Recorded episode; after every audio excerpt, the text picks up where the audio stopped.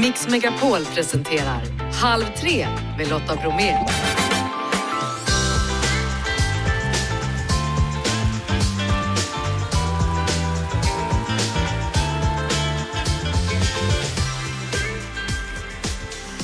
Hallå där och varmt välkommen in i Halv tre-studion. Jag hoppas ni har haft en fin påskhelg och glädjande nog då så kan jag konstatera att det faktiskt är vår i luften även i vår huvudstad.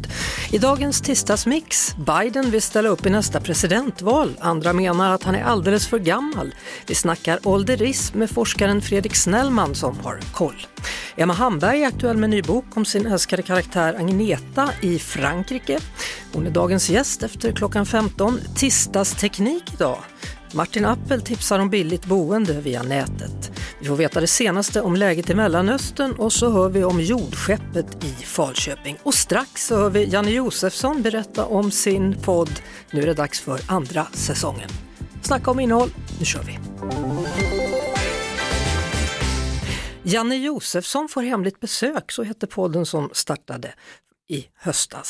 Nu kommer säsong två av denna och eh, Janne Josefsson, man måste ju ändå undra, hur har du haft det i påsk? Jag, alltså, jag kan säga till dig ärligt, i 30 år har jag firat påsk ute på Åstol. Och där, där, påsken är så viktig ute i skärgården. Man har sådana här påskbrasor, eller påskbage som det heter och mm. Eh, sånt där. Men eftersom eh, jag har en firma som håller på att renovera min hus på Åstad så kunde jag inte åka ut. Så att, men jag var hos kompisar och, i Göteborg och så, men det, det kändes som Wow, jag vill längtade lite ut och ja, du vet, eh, det är något speciellt där ute när just den här tiden vid påsk och framåt, det är den bästa tiden ute på kusten tycker jag. Mm. Här i Stockholm kan jag meddela dig att idag är det nog banne mig så att våren faktiskt har kommit lite grann. Nej, jo. grattis! ja, tack ska du ha. Vi har haft vår i flera veckor. Vad härligt, det har inte vi, kan jag säga. Det har bara snöat. Oj, oj, oj. Ja. Hörru du, vad roligt, det, det blir en ny säsong av din podd. Ja, det blir ju det. Alltså det är det här när man inte vet vem som knackar på och man gissar fel och, och så har man inget förberett och då blir det att se det som ett privilegium för att vara med mm. och träffa de här människorna. Ja, det var ju premiär redan den 4 april då, då släppte ni två avsnitt, det ena med Margot mm. Döds mm. och det andra då med Fara och Grot. Vem kommer härnäst då? Marianne Mörk. Gissade du ja. rätt då? Nej, det gjorde jag inte. Eh, jo, det, jo, jag tror, jo, men jag undrar om jag inte gissade rätt, men jag glömde av vad hon hette precis när hon stod framför mig. Vet du. Och när jag satt och intervjuade henne så tänkte jag hela tiden, vad är det hon heter? Vet, hon, hon, är en fantastisk människa. Vi, vi connectar otroligt liksom. Och så småningom så säger hon någon till Maria Mörk och så säger jag då så här, Maria Mörk, och, så, kom du på det nu? Ja, det gjorde jag verkligen. Så hon hade ju avslöjat sig själv liksom. Så skriver jag ner i Lundom eh, namnet och så passar jag på att säga Maria Mörk då. Så att eh, det var en jävla lögn alltså. Ja. Ja, du förstår. I alla fall, det är många spännande människor som ska komma här över. Jag, tror inte, jag kan ju inte säga någonting vilka det är för då får du ju tips om vilka som kommer knacka på. Så att, eh. Ja, ja. men vad som är roligt tycker jag som handlar mer liksom om livet och drömmar och rädsla och ånger och längtan, kärlek, samhället, mm. gängkrig. Det kan handla om precis allting som jag är intresserad av blir det ju. Och de verkar ju också vara tända på det här och det kommer fram saker om de här människorna som är, som är jättespännande tycker jag. Men jag tror du och jag är lika där. Vi gillar att sitta och intervjua folk och komma på en fråga precis i stunden, eller hur? Mm. Ja, Oväntat besök ja. hos Janne Josefsson heter i alla fall podden och det är säsong två som är igång och den får ni verkligen inte missa. När jag ändå har dig på tråden, du vet vad jag alltid brukar fråga dig om? Ja, jag tänkte, kan du ta på över det denna gången? Går det verkligen? Nej, kom igen då. Ja, hur är det med kärleken? Ja, det är inte så bra Lotta. Det är inte så bra. Va, gick det inte? Funkar det inte? Blev det? Nej, med min före detta, nej det gick inte så. Okay. Eh, tyvärr. Eh, men så att, men det, det, jag, jag är öppen för alla, inte för alla förslag. Då noterar vi att du i alla fall är öppen. De kan höra av sig i så fall till mig eller dig så ordnar vi det hela. Ja, det Vi gör så. Ja, Eh, Sköt ja. om dig Janne och hoppas Ja, att renoveringen snart är klar så att du får vara på plats Ja, där du vill I vara. maj någon gång ska den vara klar, men man vet ju aldrig. Okej, kram Ha på det dig. Kram på dig Lotta. Hej, hej. hej. Halv tre med Lotta Bromé på Mix Megapol. Hur gammal får man egentligen vara? Joe Biden han meddelade ju i helgen här då lite sådär inofficiellt att han tänker ställa upp i presidentvalet 2024 då som 82-åring. Och det är många som höjer på ögonbrynen. Är han inte för gammal? Och Mona Sahlin och Helena von Zweigbergk, ja de sa så här när de gästade mig för någon månad sedan om varför deras podd behövs. Ja, men det gör ju det. Och Då blev jag mer och mer också irriterad över att Ja. sådana som vi inte hörs och syns mer Nej, och det borde vi precis. göra. Nej, men jag, jag själv har ju, jag har ju dålig självkänsla när det gäller det mesta, men in, faktiskt inte när det gäller en sak. För när det alltid dyker upp det här att någon som är över 60 ska prata eller inte prata, då tänker jag alltid så här, varför skulle jag inte göra det? Jag har ju tänkt jättemycket, grubblat jättemycket. Det är ju fantastiskt bra. Mm, nu ska vi prata om ålderism och med oss nu universitetslektor och forskare på just ålderism, Fredrik Snellman från Umeå universitet. Välkommen till Halv tre. Tack ska ni ha. Ja, ska vi börja från början? Vad är egentligen ålderism? Ja, men jag skulle egentligen vilja börja med att, att säga där, att ta den här traditionella definitionen av, ålderism som finns i det vetenskapliga samhället där det handlar och har beskrivits som fördomar, stereotypa föreställningar och diskriminering mot äldre människor på grund av deras ålder. Hur kommer det Eh, ja, hur, hur kommer det sig att du jo. valde att forska på det här? Eh, jo, det, det, handlar ju så om, alltså, det, det faller tillbaka på, på mina egna observationer av den respektlöshet som jag tycker finns mot äldre personer generellt, eh, so, som också gäller mig själv i, i viss mån, där jag bland annat tidigare har, har viftat bort min egna farmors eh, påtagliga hudåkomma på fötterna eh, att det där, så där blir det ju när man blir gammal, eh, för att senare själv då upptäcka att nej, men det här var ju en ärftlig sjukdom och hade inte alls någonting att göra med att vara gammal. Eh, du vill bredda det här begreppet något och inte gå den traditionella definitionens väg. Eh, jo, det stämmer. Eh, alltså, problemet är ju att när vi pratar om diskriminering så är det väldigt få som, som känner igen sig med, med den typen av språkbruk. Och det, ställer man den frågan alltså till, till äldre personer generellt, har du diskriminerats på grund, på grund av din ålder, så ligger det mellan 3 till 6 procent av, av, av befolkningen visar våra studier då. Eh, och jag, jag, vill, jag, vill, jag har problematiserat det där just för att Eh, ja, vi, tar, vi, vi känner inte igen oss i den där diskrimineringsbeskrivningen utan har snarare då att, valt att problematisera och, och eh, beskriva det som ja, men särbehandlande praktiker som baseras på ålder eller ytterligare lite förenklat kan man säga att man behandlas med mindre respekt eh, på grund av sin ålder. Mm. Jag vet ju äldre människor då som säger att jag känner mig utanför samhället, jag kan inte allt det här med internet. När jag går in och handlar någonstans så blir jag behandlad som en mindre vetande person och de talar till mig som om jag vore ett barn. Känner du igen det? Eh, jo, det känner jag igen mig och jag kan faktiskt ta ett exempel från en av våra eh, studier där vi har tillfrågat människor. Eh, vi har både tillfrågat om man har, eh, kan beskriva situationer där man upplever upplevt sig diskriminerad på grund av sin ålder, också behandlats på grund av sin ålder. Och det faller tillbaka på det där som jag sa tidigare, att man kan inte fråga om diskriminerings. Och när man frågar eh, det här med eh, om, om, om, exempel efter om man har behandlats som gammal, då, då, då var det en kvinna som i en av våra studier skrev skrev som svar när hon ska betala med kreditkort i affären, eh, så ställer den, den som ska ta betalt och ställer frågan, kommer du ihåg pinkoden? Eh, de, kunde, de kunde fråga, använder du pinkoden? Alltså man insinuerar på något sätt att det börjar bli någon minnesproblematik. Och som kommer för att, från att man har ett, ett visst utseende då. Och, så, så det där, Mm. det där finns det många, många olika exempel på. Är det så också att det här med ålderism finns inbyggt i språket på något vis? Eh, jo, det, det tycker jag man kan säga. Alltså, om vi tar sådana vardagliga eh, enkla exempel som, man, som vi kan, alla tror jag kan, kan känna igen oss i mer eller mindre, så vi kan prata i termer av att ja, men bilen gick sönder, ja, ja, men den var ju gammal. Eller vi kan plocka ut en påse med ruttna mögliga morötter ur kylskåpet och så, eh, så skvalpar det i botten på den där påsen och så använder vi språket.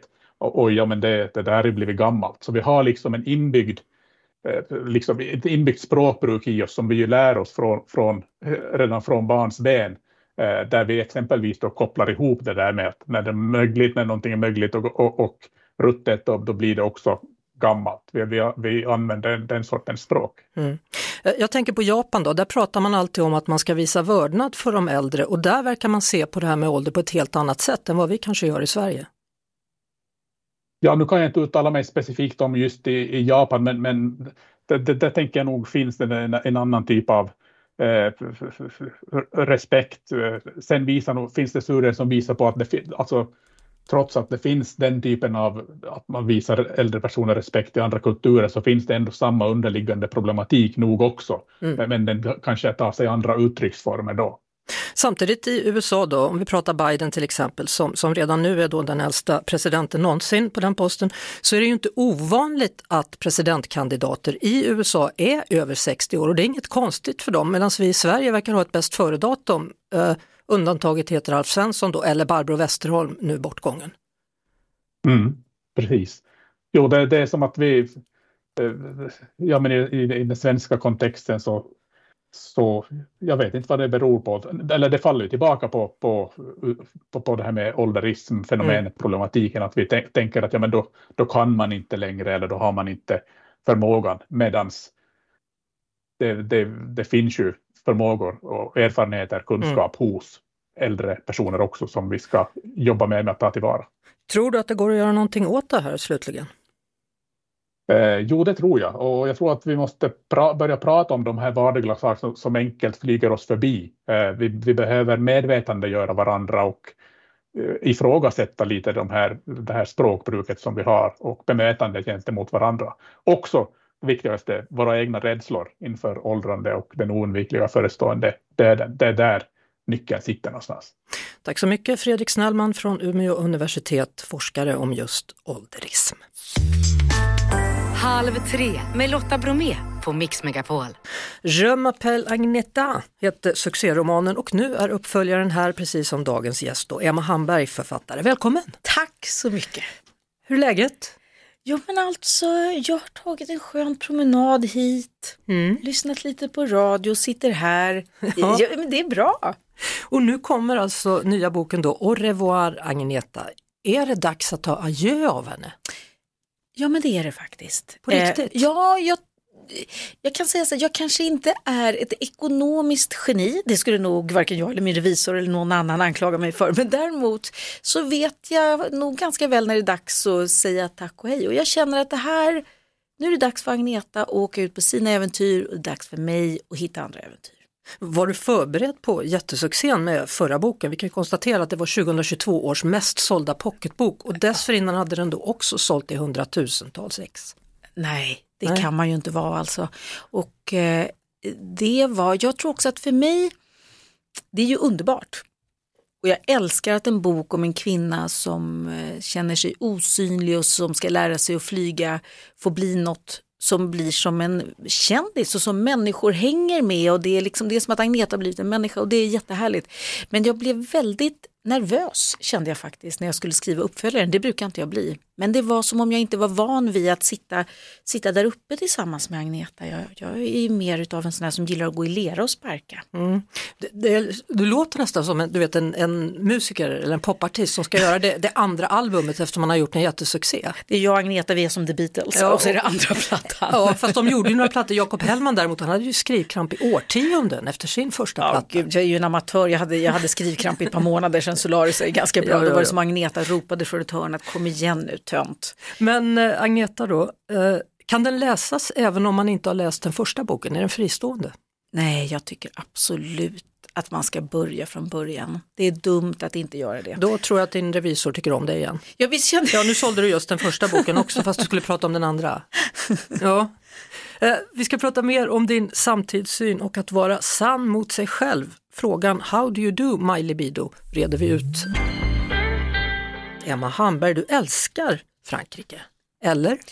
Ja men det gör jag. Det låter ju så eh, självklart och eh, inte så konstigt att älska Frankrike. Men jag skulle kunna snarare säga så här att Frankrike är en plats där jag känner mig märkligt hemma på. Mm. Och Provence då definitivt antar jag, eller? Ja, och definitivt då kanske inte heller det här, den delen av Provence som jag har varit mest i och som också Agneta utspelar sig på är en del som heter Camargue. Och Camargue är en del av Provence där det inte är lika mycket lavendel och lite mer machokultur och tjurar och hästar och eh, pickadoller.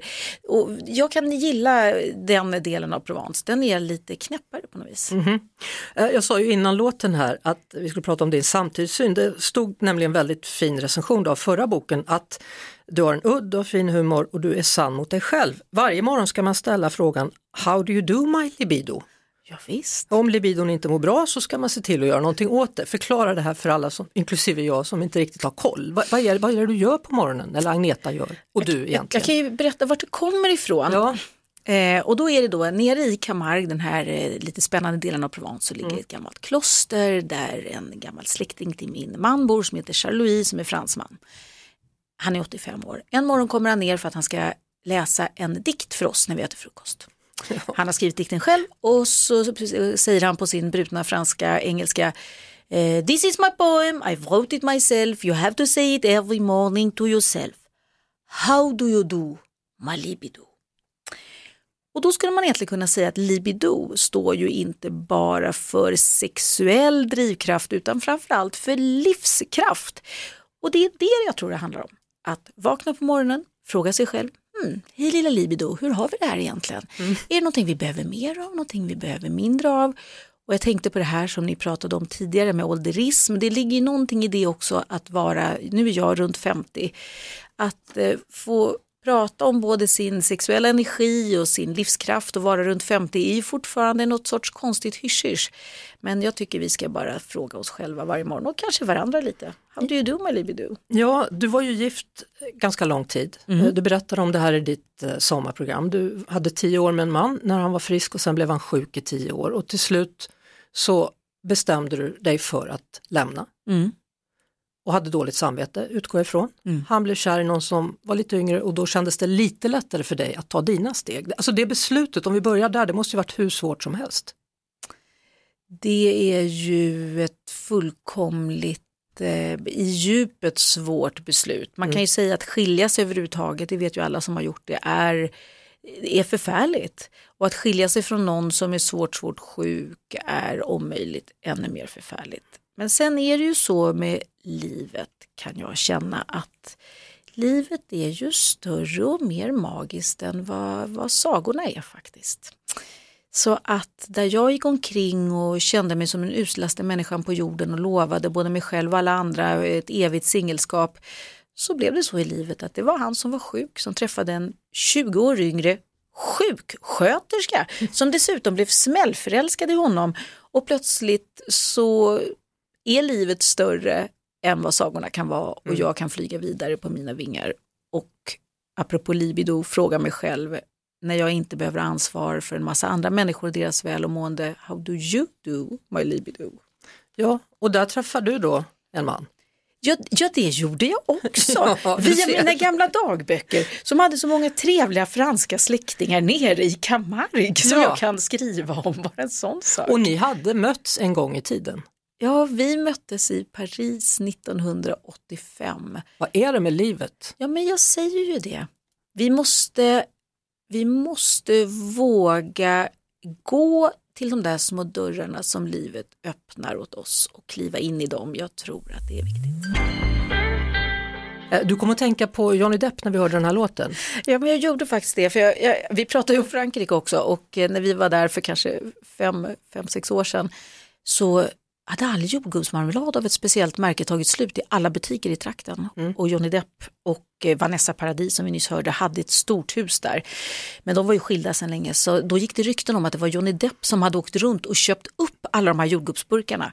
Eh, vem vet varför? Om vi säger så här, jordgubbsmarmeladen var slut. Var det Johnny? Var det någon annan? Men ryktet sa Johnny Depp. ja, så kan det mycket väl ha varit. Hörru du, vad är den stora lärdomen då som du vill ge oss denna dag då det känns faktiskt som att våren är lite på väg? Ja, men jag skulle nog faktiskt knyta ihop en påse som har både magnet att göra och som har också med det här som ni pratade om tidigare om det här med att det finns ett sånt, så mycket fördomar om ålder och sådär. Jag brukar faktiskt tänka väldigt mycket på döden överhuvudtaget. Som så fort jag tror att något är av vikt, att eh, åh, man kanske har för mycket rynkor eller det kan vara det ena eller andra i tredje, då tänker jag på döden.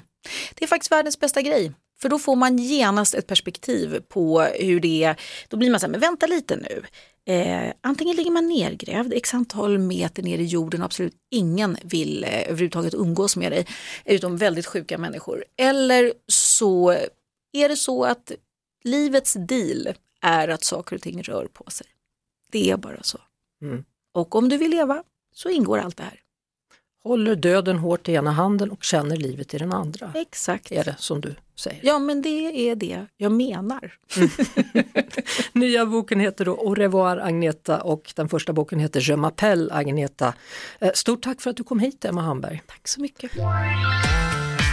Halv tre med Lotta Bromé på Mix Megapol. Känner du att våren äntligen är här så lyder vår fråga idag på Instagram stories, Mix Megapols Instagram stories och 54 procent svarar ja på den frågan. 9 procent säger nej medans 37 procent känner nej inte riktigt men den är nära. Och jag har också ställt frågan då, hur vet man, vad är det för vårtecken som gäller? Tussilago är det många som skriver. Eh, dessutom då fågelkvitter, Niklasson Helén hon säger tussilago. Eh, blåsippor, vitsippor och krokus säger Simon Hedman och Helene Broström säger att trottoaren sopas. Och sen är det mycket fågelkvitter också. Eh, H. Friberg skriver alla som gnäller om sin allergi. Då vet man att våren är här. Eh, Mimmis fotoevent 86, hon skriver det är när blommorna och det gröna börjar växa fram. Hallå Helene, hur är läget? Hej! Eller Mimmi? Hej du! Jo, det är det bra. Själv Ja, då? jo det är bra så du. Idag var första gången som jag kände att nu är nog våren äntligen på gång här. Hur är det för dig? Ja, visst är det. Den är helt underbar när den är på G nu och man känner att man kan leva i det gröna igen. Mm, du lever då i det gröna i Växjö. Har du sett Tussilago än eller? Jag såg lite blommor igår blomstra i Linnéparken här i Växjö när jag cyklade förbi och, och då kände jag det att nu är våren på G. Och då fick man den där känslan när man är ute och cyklar och man känner att det börjar bli lite varmt på cykeln och solen skiner och man ser folk allt mer ute än vad man gör på vintern när man är mer inlåst i sitt hem och på våren och sommaren så träffar man ju väldigt mycket människor än vad man, än vad man gör på vintern. Mm. Och det är riktigt nice. Vad, vad är våren din favoritårstid eller? Eh, våren och sommaren och hösten är mina favoriter. Ja, ja, så du har just och, eh, eh, gått ifrån det som är värdelöst, vintern? Ja, jag hatar vintern. Jag hatar slask och jag hatar snö och det sker väldigt mycket trafikolyckor. Och nu när våren och sommaren är, ja då kan man ju gå och ta sig en öl på krogen och leva i det götta livet på en uteplats, Det eh, på en man. uteservering. Absolut kan man det. Stort tack för att du hörde av dig Mimmi Wallett Växjö vi hoppas att det inte blir något bakslag slag av snö eller slask nu då. Nej, inget mer aprilväder. Tackar vi för. Ha det så bra Ja. Mimmi. Hej då! Detsamma, ha det gött. Detsamma, Hej. hej. Halv tre med Lotta Bromé på Mix Megapol. Oroligheter har återigen blossat upp i Israel och Palestina de senaste veckorna och under påsken så har det rapporterats om våldsdåd på ockuperade Västbanken, Gaza och i Tel Aviv. Med oss nu Anders Persson som är docent i statsvetenskap vid Linnéuniversitetet och som forskat på Israel-Palestina-konflikten. Eh, Anders, vad, vad är det som har hänt den senaste veckan? Kan vi kalla det för en våldsspiral? Ja, men eh, det kan vi absolut göra. Det vi har sett är ju att det har blossat upp våldsamheter på flera olika fronter någorlunda samtidigt, eller i alla fall inom loppet av en vecka. Och du nämnde några av dem, men vi talar ju sex fronter här. Det är Gaza, Västbanken, östra Jerusalem, inne i Israel plus eller Libanon och Syrien. Så Israel står ju inför säkerhetsutmaningar på sex olika fronter. Varför blir det oroligt? Jag har lite svårt att säga om det finns en kausalitet, det vill säga ett orsakssamband mellan vissa av de här händelserna, raketbeskjutningar, eh, terrordåd, israeliska räder och så vidare, eller om det är parallella processer som vi ser eh, sidan om varandra, eller någon blandning mellan de två. Men Ramadan och den judiska påsken, Pesa, som inträffar samtidigt, det vill säga nu, eh, brukar ju vara tider utav ökade spänningar i Israel och Palestina. Det har det varit de senaste åren.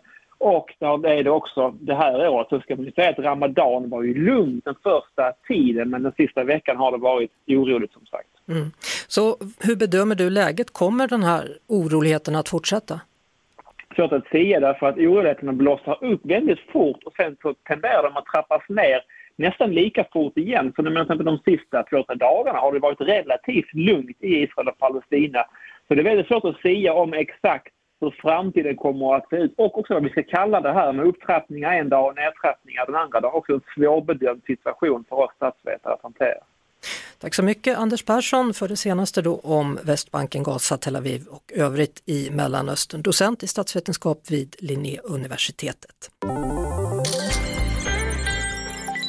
Tekniktipset. Teknikexperten hos oss heter Martin Appel, jobbar också på PC för alla och förra veckan hjälpte du oss hitta billiga flyg. Idag pratar vi om hur man hittar ett billigt boende. Precis, förra veckan pratade vi om flygresor.se och Momondo prisjämförelsetjänster för flyg. Och det finns liknande även när du ska söka efter hotell. Hotels Combined och Trivago, det är två populära tjänster för att jämföra priser på hotell. Du anger vart vill du åka, när vill du åka? Och då får du en lista på vilka hotell som finns där och till vilka pris. Och sen kan du då välja att göra olika avgränsningar. Du kanske vill ha dubbelrum eller enkelrum. Du kanske vill att hotellet ska ha ett visst antal stjärnor. Så då kan du välja att avgränsa din sökning till att visa bara det som uppfyller det som som du verkligen vill ha. Mm. Och en sak som är bra, då, det finns ofta betyg från andra besökare som man kan kolla in. Det där tittar jag alltid jättenoggrant på för man har ju bott på en del riktigt, riktigt dåliga hotell i sina liv men med de här jämförelsetjänsterna då finns det även betyg från andra resenärer som har bott där tidigare. Och då får man ändå en ganska bra bild om det här är ett bra eller dåligt hotell. Jag brukar kolla ibland då på booking.com till exempel eller hotels.com och där kan man ju också samla poäng så att man kan få, om man gör en resa längre fram, då kan man få rabatt på den resan. Och också finns det paketerbjudande väldigt ofta. Och då är det ju på precis samma sätt som med flygen att vi pratar om prisjämförelsetjänster som Hotels Combined och Trivago och så pratar vi om bokningstjänster som Booking.com eller Hotels.com eller Agoda. Och det är alltså de tjänsterna som du går in för att boka på. För det är ofta ganska stor skillnad. Mm. Ibland har någon av de här tjänsterna kampanj och då kan man få det jättemycket billigare. Och sen någon av dem har att man får var tionde natt gratis, någon annan om man har bokat mycket så får man rabatt. Så att det här kan vara ett bra sätt att hitta billigare hotell. Mm. Sen kan man också då välja att bo privat och det är ett alternativ till hotellet då. Så brukar jag göra när jag bor lite längre när jag är utomlands. Då hyr jag en lägenhet via Airbnb eller Flipkey som är de två stora tjänsterna här. Och då hyr man alltså av en privatperson. Sen har vi det som har kommit då senaste coachsurfing, att man helt enkelt bor på någon annan soffa. Det där är ju verkligen en jätterolig grej. Man bor gratis. Det här är ett nätverk av resenärer som är intresserade av att träffa andra.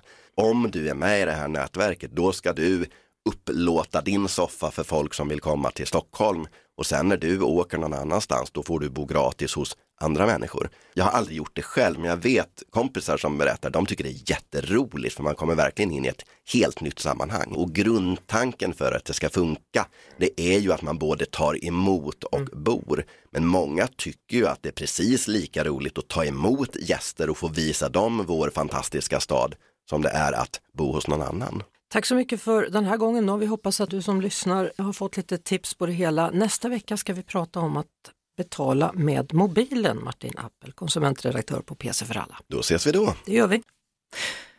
För 25 år sedan, 1998, då började Kevin Schott från Falköping att förverkliga sin dröm, nämligen att bygga ett så kallat jordskepp. 25 år senare alltså så börjar byggnaden, som bland annat består av 4200 bildäck, att bli klart. Och idag så är hans projekt aktuellt i SVTs minidokumentär Jordskeppet. Välkommen till Halv tre Kevin! Ja, hej Lotta! Trevligt att få inbjudan. Hur kom du på den här idén Kevin?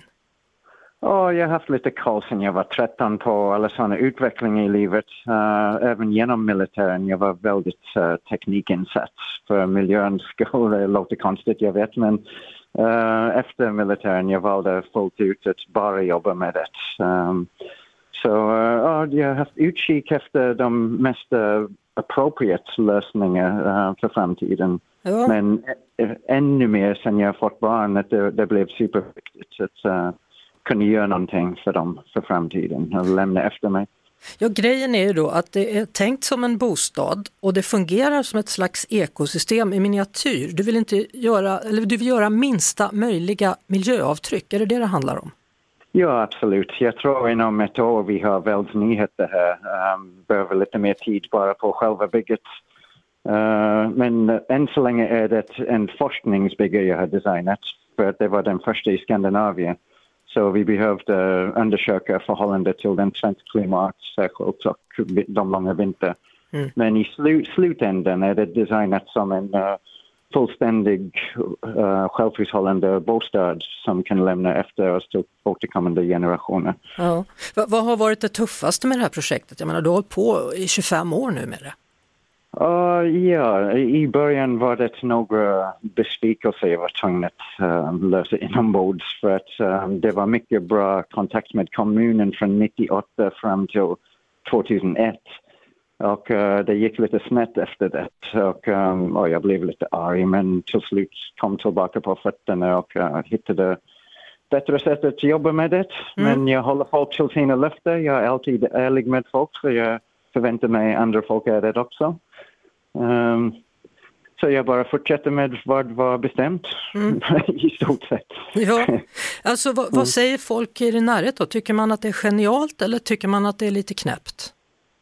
Uh, jag tror det var mina barn först och främst som var lite osäkert vilken det var. Men uh, Uh, folket, det är tack vare folket att det finns. Uh, jag har inte fått någon finansiering från statlig eller institution eller andra förening. Det är bara folket som har gjort det möjligt med mm. sina bidrag. Så uh, jag, jag, vet hela tiden, vi har haft full stöd från folk runt om i hela världen och särskilt lokalt i, i mm. Sverige.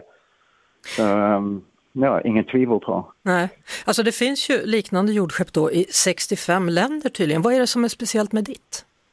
Ja, precis. Jag försökte förutspå uh, vad problemområdet kunde vara med jordskepp i Skandinavien, så jag lade till några extra mikroklimat inomhus i, i min design mm. så att jag kunde komma till svar. Jag kommer dokumentera allt fullt ut, väldigt detaljerat nästa år och släpper det till allmänheten. Uh, alla mina svar jag kommit till Uh, men jag redan vet nu det kommer vara en total succé i alla fall. Så ja, vad skönt! Hur spännande som helst. ja, då önskar vi dig lycka till med uh, slutet då så att du verkligen blir klar nu så småningom med ditt jordskepp Kevin Schott. Ja, tack så jättemycket. Ja, hej så länge! Albin och Lotta, Janne, Jeanette och Jeff tackar för idag. Vi hörde Westlife Mandy, den hamnade på plats 687. Och nedräkningen den fortsätter, så fortsätt lyssna på Mix Megapol så kommer ni fram till låt nummer 686 alldeles strax. Vi hörs igen imorgon vid halv tre. Ett poddtips från Podplay. I fallen jag aldrig glömmer djupdyker Hasse Aro i arbetet bakom några av Sveriges mest uppseendeväckande brottsutredningar går vi in med hemlig telefonavlyssning och, och då upplever vi att vi får en total förändring av hans beteende. Vad är det som händer nu? Vem är det som läcker? Och så säger han att jag är kriminell, jag har varit kriminell i hela mitt liv men att mörda ett barn, där går min gräns. Nya säsongen av Fallen jag aldrig glömmer på Podplay.